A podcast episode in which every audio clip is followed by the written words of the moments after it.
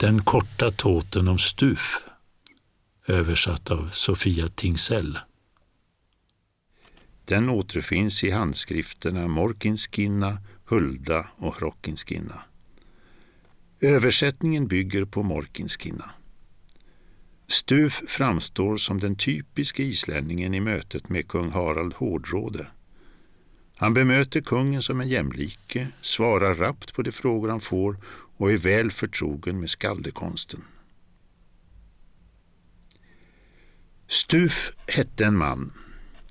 Han var son till Tord Katt som fostrades av Snorri Gode. Tord Katt var son till Tord Glumsson, son till Geiri. Stuf Tordarsson var blind. Han var en klok man och en god skald. Stuf reste från Island och kom till Norge på kung Harald Sigurdssons tid. Stuf tog in hos en bonde i Opplanden. Bonden behandlade honom väl. En dag när folket var ute såg de en stor grupp praktfullt klädda män komma ridande till gården. Bonden sa Jag väntar inte besök från kung Harald men av det här följet att döma verkar det inte omöjligt att det är han. Och när följet kom närmare gården såg de att det var kungen. Bonden hälsade kungen välkommen och sa Herre, vi kan inte visa dig den gästfrihet vi borde, för vi visste inte att du skulle komma. Kungen svarade Det kunde du ju inte veta. Vi har några ärenden att sköta i landet. Mina män tar själva hand om sina hästar och sin utrustning. Men jag stiger gärna in. Kungen var mycket glad och bonden följde honom in i huset och bad honom sitta ner. Då sa kungen Gör det du vill, bonde, och låt inte oss hindra dig. Så får det bli, sa bonden. Han gick iväg och kungen såg sig om på bänken och fick syn på en stor man som satt ytterst och frågade vem han var. Jag heter Stuf, sa han. Kungen sa, det namnet passar dig inte. Vem son är du? Jag är son till katt. Det kan man gott tro.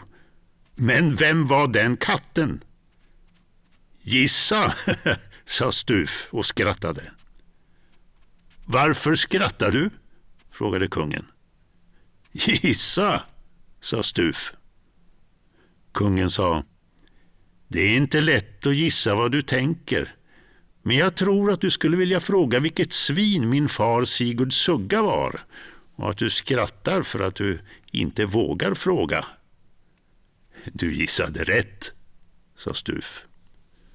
Kungen sa Sätt dig längre in på bänken så vi kan talas vid. Han gjorde så. Kungen tyckte att han var en klok man och att det var trevligt att prata med honom. Och kom bonden in i stugan och sa att kungen måste ha det tråkigt.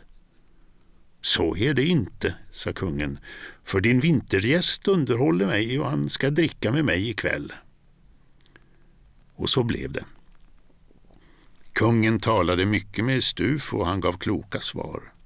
Och när folket gick och la sig bad kungen Stuf att komma till det rum som han skulle sova i och underhålla honom. Det gjorde Stuf. När kungen hade kommit till säng underhöll Stuf honom i en diktflock. Och när den var slut bad kungen honom fortsätta. Kungen var vaken länge och Stuf underhöll honom. Till slut frågade kungen Hur många dikter har du framfört nu? Stuf svarade Det tänkte jag att du skulle hålla reda på. Det har jag gjort också, sa kungen. Och det är 30 dikter. Men varför tar du bara flockar? Kan du inga drapor? Stuf svarade Jag kan inte färre drapor än flockar och ändå har jag många flockar kvar. Kungen sa du måste vara en kunnig man på diktning, men vem ska du underhålla med dina drapor om du bara framför flockar för mig? Dig, sa Stuf. När då? Sa kungen. Nästa gång vi träffas, sa han. Varför nästa gång och inte nu? sa kungen. Stuf sa, för att jag vill att mina framträdanden och allt annat som har med mig att göra ska tilltala dig allt mer ju längre och ju bättre du lär känna mig. Först sover vi, sa kungen. På morgonen när de gjorde sig redo för avfärd sa Stuf till kungen. Vill du, konung, ge mig det jag ber dig om? Vad är det då? sa kungen. Du måste lova innan jag säger det, sa han. Det brukar jag inte göra, sa kungen. Men för att du har roat mig så dristar jag mig till det. Stu sa. Jag har rest hit för att göra anspråk på ett arv österut i viken och jag skulle vilja att du gav mig ditt brev och sigill så att jag får med mig min egendom. Det ska jag göra, sa kungen. Då sa Stuf. Vill du ge mig det jag ber dig om? Vad är det nu då? sa kungen. Du måste lova innan jag säger det. Kungen sa.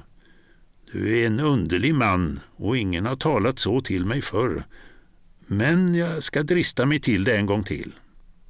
Stu sa. Jag skulle vilja göra en dikt om dig. Kungen sa. Kommer du från en skaldesläkt? Stu svarade. Det har funnits skalder i min släkt. Glum Geirason var min farfars far. Kungen sa. Är du inte sämre än Glum så är du en bra skald. Inte är jag sämre än han, sa Stuf. Det är inte omöjligt att du kan dikta, diktkunnig som du är, och jag ska låta dig dikta om mig. Stu sa. Vill du ge mig det jag ber dig om? Vad vill du be om nu? sa kungen. Du måste lova innan jag säger det. Det gör jag inte, sa kungen.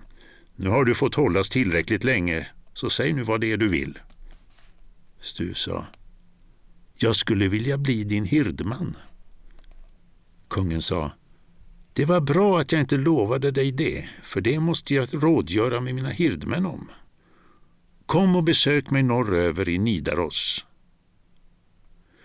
Stuf for österut till viken och fick det arv som han krävde med hjälp av kungens brev och sigill. Sedan sökte han sig norrut till Kaupang för att träffa kungen och kungen tog väl emot honom och med hirdmännens samtycke blev Stuf en av kungens män och stannade hos honom en tid.